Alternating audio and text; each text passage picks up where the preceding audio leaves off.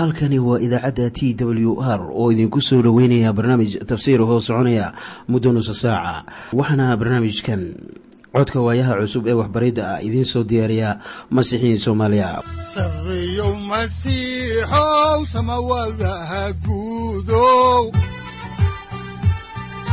Siraadkii adduunkow subanaha eebow sareyow masiixow samawadaha guudow siraadkii adduunkow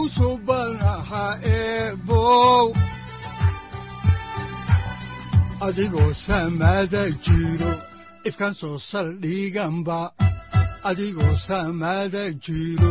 ifkaan soo saldhiganba kutubtiisanaye wuxunogu saaciiday sharxin sifahaaga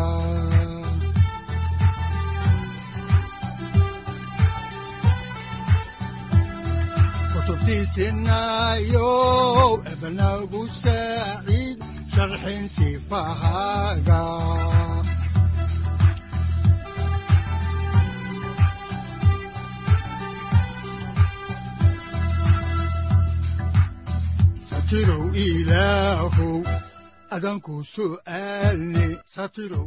ku soo dhowaada dhegaystayaal barnaamijkeenna dhammaantiinba. Waxaan horay u sii ambaqaadi doonnaa daraasaadkii la magac baxay baibalka dhammaantii. Waxaannu caawa idin bilaabi doonnaa cutubka labaatanaad oo mawduuca uu ka hadlayana. Wuxuu ka kooban yahay hal maaddo. Waxaana weeye sharciga xadaynaya dagaallada waxaanan uga gudbi doonnaa cutubka kow iyo labaatanaad oo aynu dulmar ku samayn doonno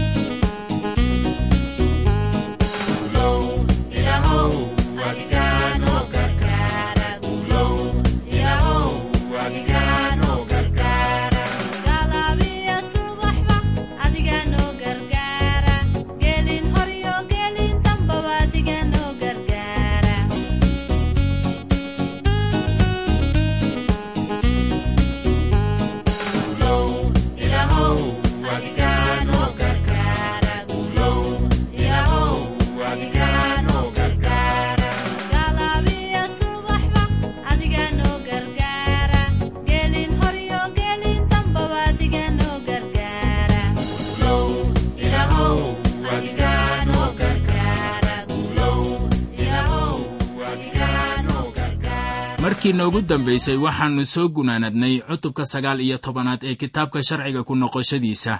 Haddaba mawduuca cutubkan labaatanaad wuxuu ka kooban yahay hal maaddo waxaana weeye sharciga xadaynaya dagaallada markaana kitaabka sharciga ku noqoshadiisa waa kitaab ficil ah oo wuxuu saamaynayaa meelo badan oo nolosheenna maanta taabanaysa.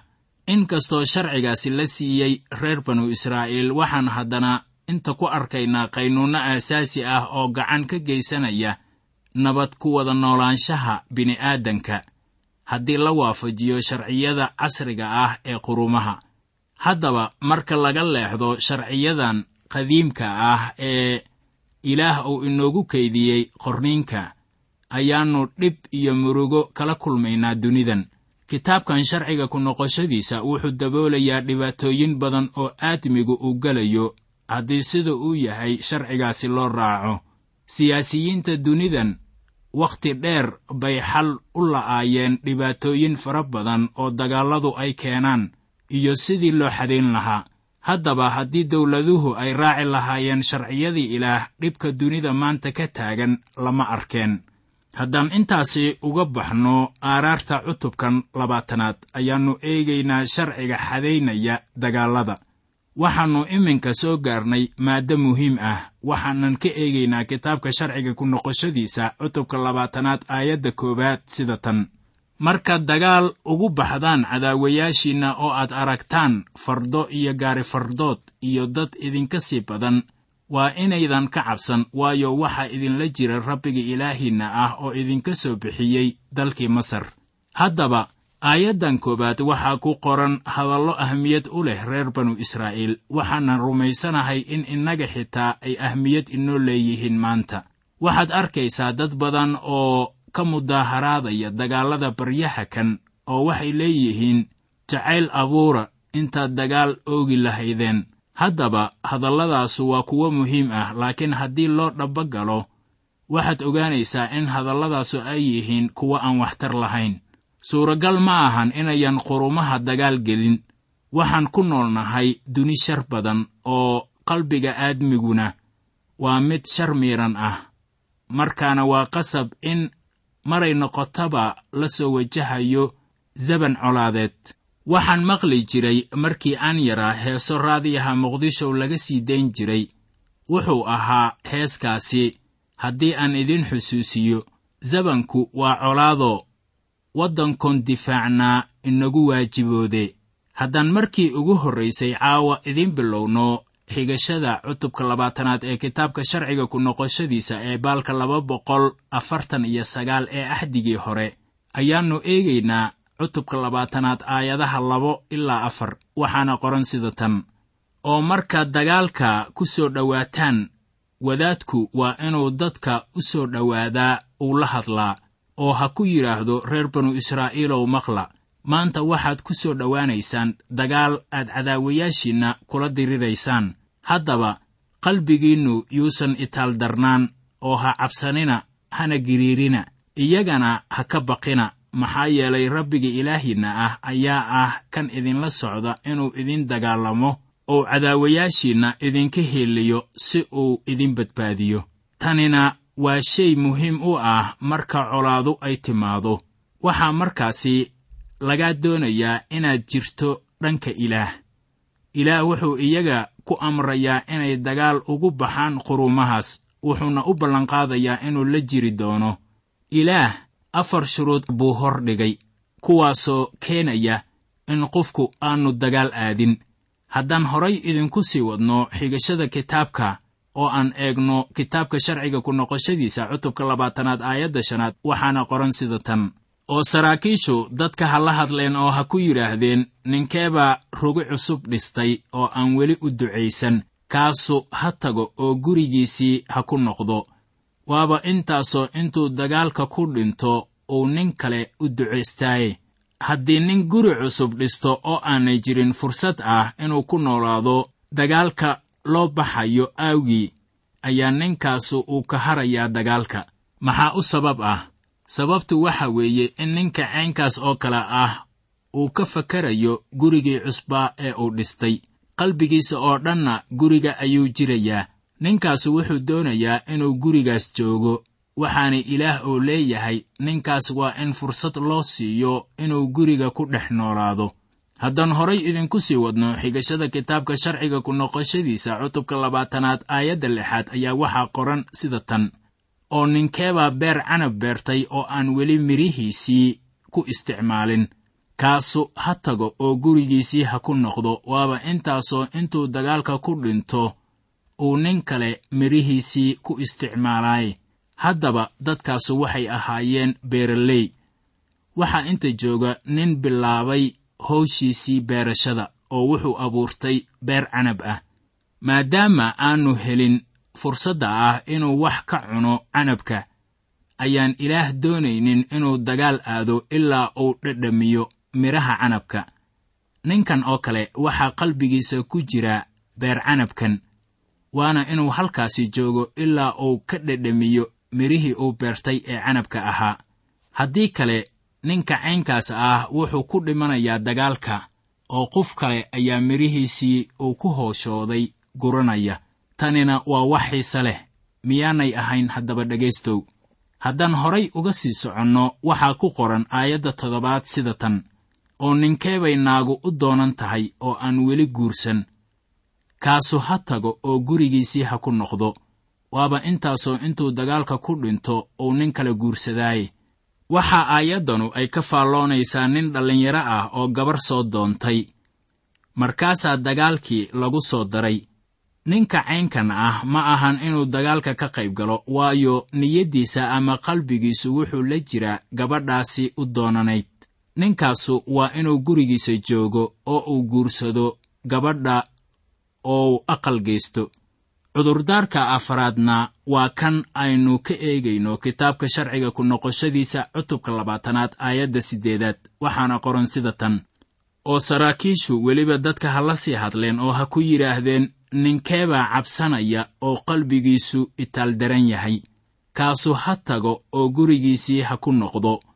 Waaba intaasoo qalbiga walaalihiis uu u baqaa sida qalbigiisoo kale haddii aan ka yara faalloonno aayaddan siddeedaad ayaa waxaa dhici karta in nin ka mid ah kuwa dagaalka u socda uu daacadda ka hadlo oo uu yidhaahdo war anigu fulay baan ahay oo dooni maayo inaan dagaal galo. Markaa afartan shuruud baa dagaalkan looga hari karaa.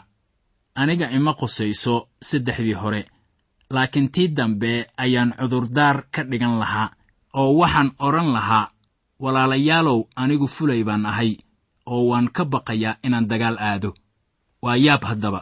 Soomaaliduna horay bay taasi uga hadashay oo waxay tidhi fulay hooyadii ma gablanto. Gabyaa soomaaliyeed oo gabyayna wuxuu yidhi boggallagamudyow fulaygu wuu baygaga hayaaye goortuu bidhaan cadow arkuu balow yidhaahdaaye inaan moodka laga baajinayn ba'a e yow u sheega markaa soomaalida gabaygaas aawadii bay badankood dagaallada u galaan iyagoo is leh armaa lagu caayaa? Laakiin way wanaagsan tahay in runta laga hadlo oo dhammaanteen aynu doonayno. Waan la helayne nabad iyo xasalooni sharcigan waxaa isticmaalay xaakinkii gidcoon ahaa oo taliyo u ahaan jiray reer banu israa'iil. Waxaa ku soo daba faylay ilaa iyo laba iyo soddon kun oo nin waxaana ugu dambayntii dagaalka u raacay dad aan badnayn. Sidaannu ku arki doonno kitaabka xaakinnada oo qayb ka ah axdigii hore. Markaana ilaah wuxuu doonayaa in dadkiisu ay laba hal u xaqiiqsanaato. Intaanay dagaalka aadin ka hor. Marka ugu horraysa waxa weeye inay dhinaciisa joogaan oo ay u dagaalamaan waxa xaqa ah oo ay garanayaan in ilaah uu la jiro iyaga. Tan labaadna waa inay noqdaan kuwo farxad iyo raynrayn ku raaca duulaanka. Waxaa markaasi jiraya wakhti ay tahay qofku inuu u dagaalamo waddankiisa oo uu calanka meel u helo la qotomiyo. Ilaah wuxuu dadkiisa u hoggaaminayaa si waafaqsan xikmaddiisa sarraysa. Xitaa haddii xilligu uu yahay wakhti colaadeed. Haddaan soo gunaanadno cutubkan labaatanaad ayaannu haatan eegaynaa aayadaha toban ilaa laba iyo toban ee kitaabka sharciga ku noqoshadiisa waxaana qoran sida tan. Markaad magaalo ugu soo dhowaataan inaad la dirirtaan waxaad u naadisaan war nabadeed oo hadday jawaabta nabadeed idiin siiyaan oo ay albaabka idinka furaan. Waa inay dadka magaaladaasi dhexdeeda laga helo oo dhammu addoommo idin noqdaan oo ay idin wada adeegaan oo hadday idinla nabdi waayaan laakiinse ay doonayaan inay idinla diriraan markaas waa inaad hareeraysaan waxaa halkan yaalla qaynuun weyn oo dhaqangal ah. Waxaa la doonayaa marka dagaal loo kicitimo in la raaco qaynuunnadaas si loo badbaadiyo kuwa nabadoonnada ah xaakinnada iyo duqayda beesha. Waxay taasu yaraynaysaa in colaaddii ayaan sii socon oo heshiis la gaaro. Waxaan garanayaa in soomaalida markii ay dagaal isku qaadayaan ay iska laayaan carruurta iyo haweenka dagaalkuna wuxuu noqonayaa mid aan harin ilaa iyo wakhti dheer. Waayo ninkii carruurtiisa ama xaaskiisa la dilay nololi uma harin. Waxaan kaloo ogsoonnahay in dagaallada soomaalida ee dhexdooda ah ayaan ahayn kuwa bilowday sagaashankii soomaaliya waxaa jiray afar waxyaabood oo isku soo noqda. Col nabad abaar iyo aaran. Colku wuxuu kacaa wakhtiga abaarta ah oo xooluhu ay yaraadaan si qoladii xoog badan ay wax u soo bililiqaystaan. Nabadduna waxay timaadaa markii dhulku aaran uu yahay oo meel walibana waxaa ka dhacaya aroosyo la tumayo iyo ciyaaro iyo hadal wanaaggiis. Dad badan oo soomaali ah ayaan ogeen dagaallada ay galaan in sababtoodu ay tahay afartaas waxyaabood.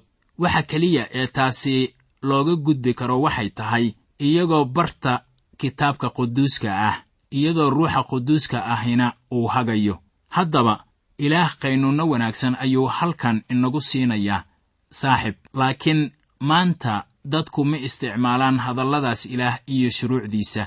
Waxaan si toos ah idinku bilaabaynaa cutubka kow iyo labaatanaad ee kitaabka sharciga ku noqoshadiisa. Mawduuciisuna uu yahay sharciyada ku saabsan dilka guurka iyo kuwa caasiyiinta ah cutubkan wuxuu soo gunaanadayaa qaybta ku saabsan diimaha iyo xeerarka qaranka ee inooga soo bilowday cutubkii siddeedaad. Waxaannu inta ku arkaynaa sharciyo xiise weyn leh oo weliba xusuus mudan oo sharaxaad ka bixinaya kala duwanaansho fara badan oo saameeya nolosha reer banu israa'iil. Waxaannu ku bilaabaynaa maaddada ugu horraysa ee ah baaritaanka ku saabsan gacankudhiiglanimada haddaan markii noogu horraysay idiin bilowno xigashada kitaabka ayaannu eegaynaa cutubka kow iyo labaatanaad aayadaha kow ilaa afar. Waxaana qoran sida tan. Oo dalka rabbiga ilaahiinna ahu uu idin siinayo inaad hantidaan. Haddii laga dhex helo mid la dilay oo berrinka dhex yaal oo la aqoon waayo kii isaga dilay markaas waa in ay wadaadadiinna iyo xaakinadiinnu soo baxaan oo waa inay qiyaasaan ilaa magaalooyinka kan la dilay hareerihiisa ku wareegsan. Oo magaalada ugu dhow ninka la dilay waa in odayaasha magaaladaasu ay lo-da ka soo wataan qaalin aan lagu shaqaysan oo aan harqood wax ku jiidin. Oo odayaasha magaaladaasu waa inay qaalinta u wadaan dooxo biyaheedu ordayaan oo aan la jeexin waxna lagu beerin oo halkaas dooxada dhexdeeda ah qaalinta qoorta ha kaga jabiyeen. Haddii nin lagu dilay halkaas la helo waa in saraakiisha magaalada ay cabbiraan magaalada ugu dhow markaana magaaladaas ayaa mas'uul ka ah dilka. Noqon mayso in la leeyahay magaalada ayaa dishay laakiin magaalada ayaa mas'uul ka ah dhimashada qofkaasi. Sidaan bay yeelayaan ku qoran aayadaha shan ilaa sagaal ee cutubka kow iyo labaatanaad.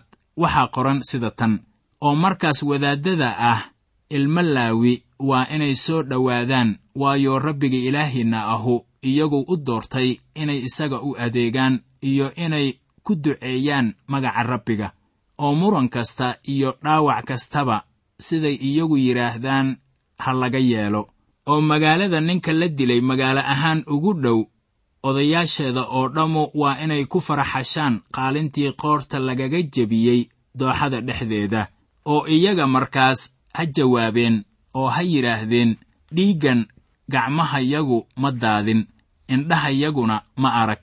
Haddaba rabbi ow cafi dadkaaga reer banu israa'iil oo aad soo furatay oo hana u oggolaanin in dhiig aan xaqabinu uu saarnaado dadkaaga reer banu israa'iil oo markaas iyaga waa loo kafaaro gudi doonaa dhiiggaas oo sidaas waa in aad dhexdiinna uga saartaan dhiigga aan xaqa qabin markaad samaysaan waxa ku quman rabbigu hortiisa.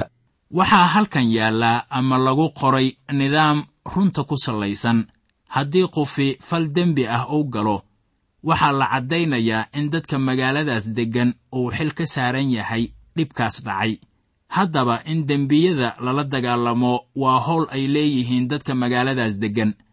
Mase ahan oo keliya howl ciidamada nabadgelyada u taalla.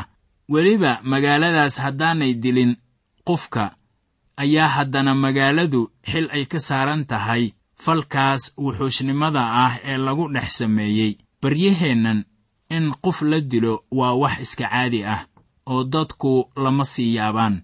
Waxay odhanayaan qof baa halkan lagu dilay. Waxaana loo malaynayaa in niman mooryaan ahi ay dileen.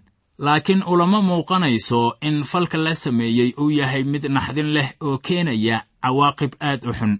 Mana jiro odayaal isku imaanaya oo odhanaya haddaba rabbiyow cafi dadkaaga. Laakiin soomaalidu waxay tidhaahdaa geeri waxay ku habboon tahay geeljire iyo niman la aqoon. Laakiin waxaa taasi ka duwan dhimashadii sayid ciise masiix kadib markii lagu dilay meel ka baxsan magaalada yeruusaalem. Hase yeeshee dhimashadiisu waxay ahayd mid badbaadisay kuwii horkacayey ama dilayey waxaan u malaynayaa boqol u taliyihii reer rooma oo madaxa u ahaa colkii qabanayey masiixa inuu ka mid ahaa raggii uu badbaadiyey. Haddaan dib ugu noqonno faalladii kitaabka sharciga ku noqoshadiisa ayaannu arkaynaa aayadaha toban ilaa toddoba iyo toban. Inay ka hadlayaan sharciga ku saabsan xeerka guurka la guursanayo haweenka dagaallada lagu soo qabto. Waxaan kaloo arkaynaa xeerka ku saabsan guurka labada naagood iyo xaqa ay yeelanayso haweenayda ninkaasi isaga ah u dhasha curadka ugu horreeya.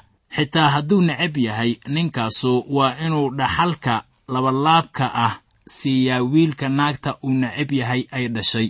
Oo ma ahan inuu dhaxalka u badiyo wiilka ay u dhashay naagta uu jecel yahay ee aan curadka ahayn.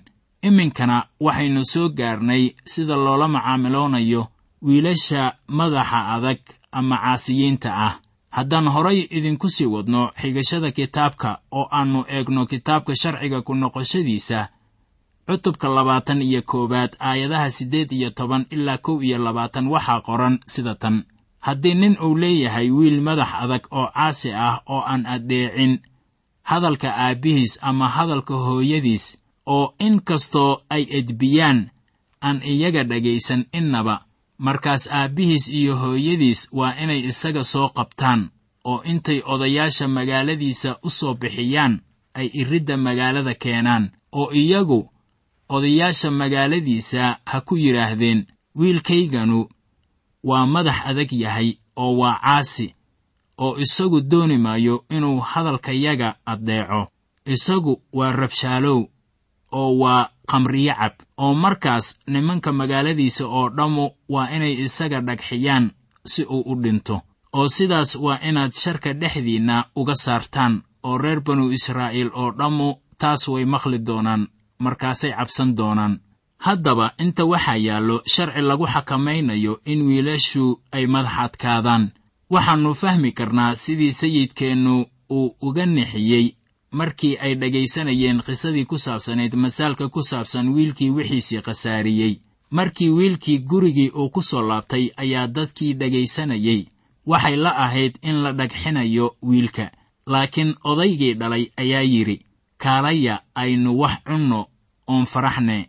Waayo wiilkani wuu dhintay wuuna soo noolaaday. Wuu lumay waana la helay. Saaxib miyaadan ku faraxsanayn inaynaan sharciga ku hoos jirin maanta. Markaana haddii aynu ilaah u nimaadno oon dembiyadeenna qiranno isagu waa aamin iyo caadil inuu dembiyadeenna inaga cafiyo oo uu inaga nadiifiyo xaqdarrada oo dhan. Beddelkii eedda waxaynu helaynaa naxariis. War muxuu ilaah naxariis iyo wanaag badan yahay? Inuu ina aqbalo markii aynu u nimaadno waxaa halkan yaalla xaal yaa badan oo ku saabsan kuwa geedka laga soo lalminayo. Haddaan xaalkaasi ka eegno kitaabka sharciga ku noqoshadiisa cutubka kow iyo labaatanaad aayadaha laba iyo labaatan ilaa saddex iyo labaatan ayaa waxaa qoran sida tan.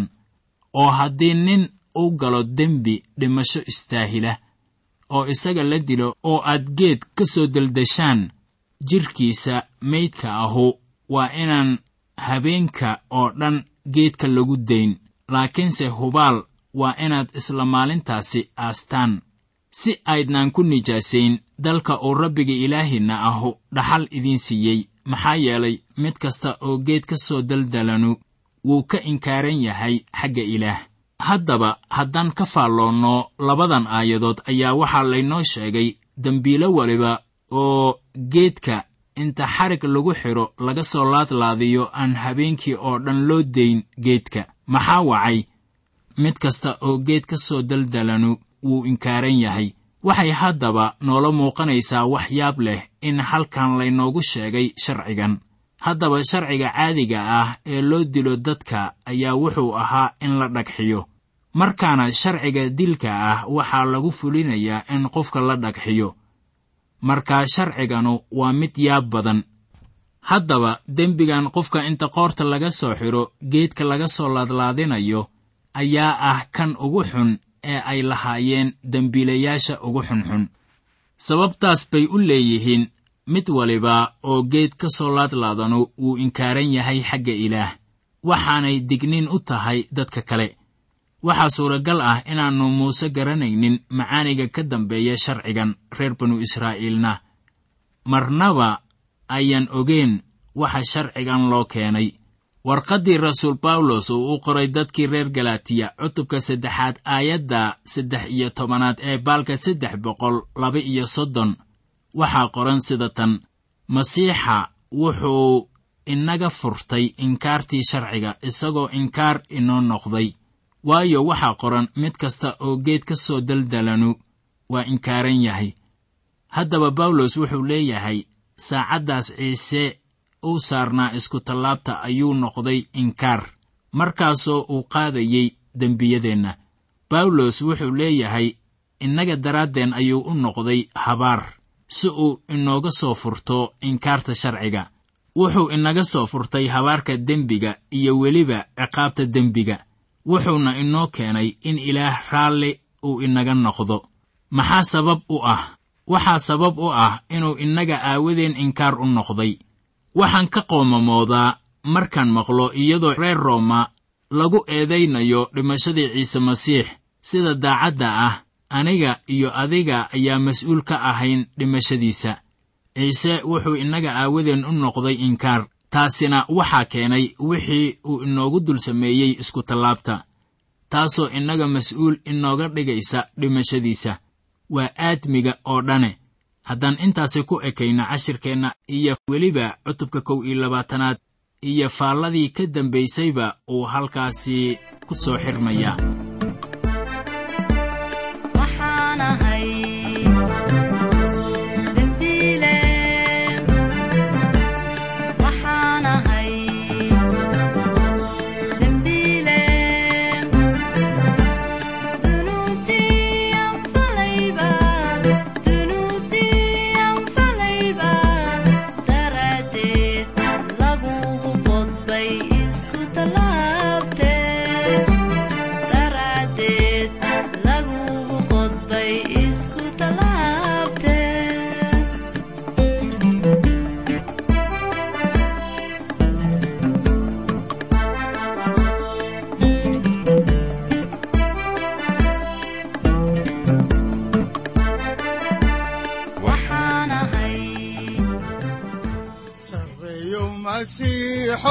xirmaya siraadkii adduunkow subanaha eebow adigoo samaada jiro ifkaan soo saldhiganba adigoo samaada jiro ifkaan soo saldhiganba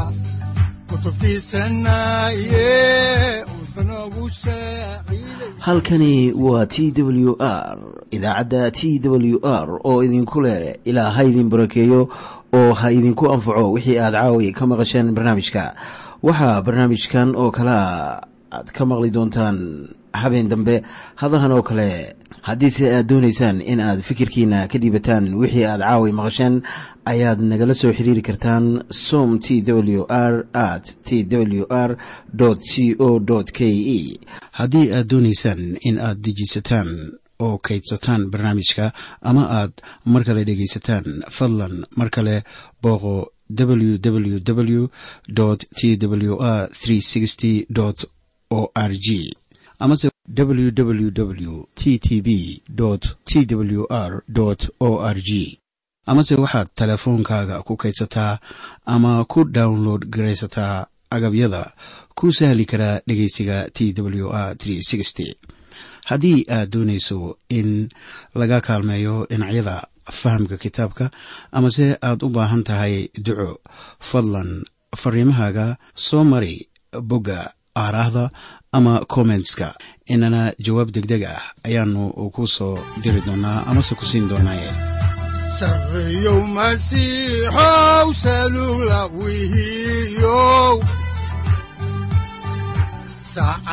timid dhulka sabada ku dhalatiyo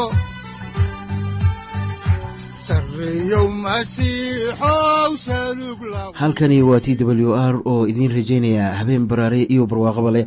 Inta aynu ka gaari doono wakhti aynu ku kulanno barnaamij la mida kan caawayay aad maqasheen. Waxa aan idinku leeyahay nabadda ciise masiix ha idinku badato xagga jidhka iyo ruuxaba. Aamiin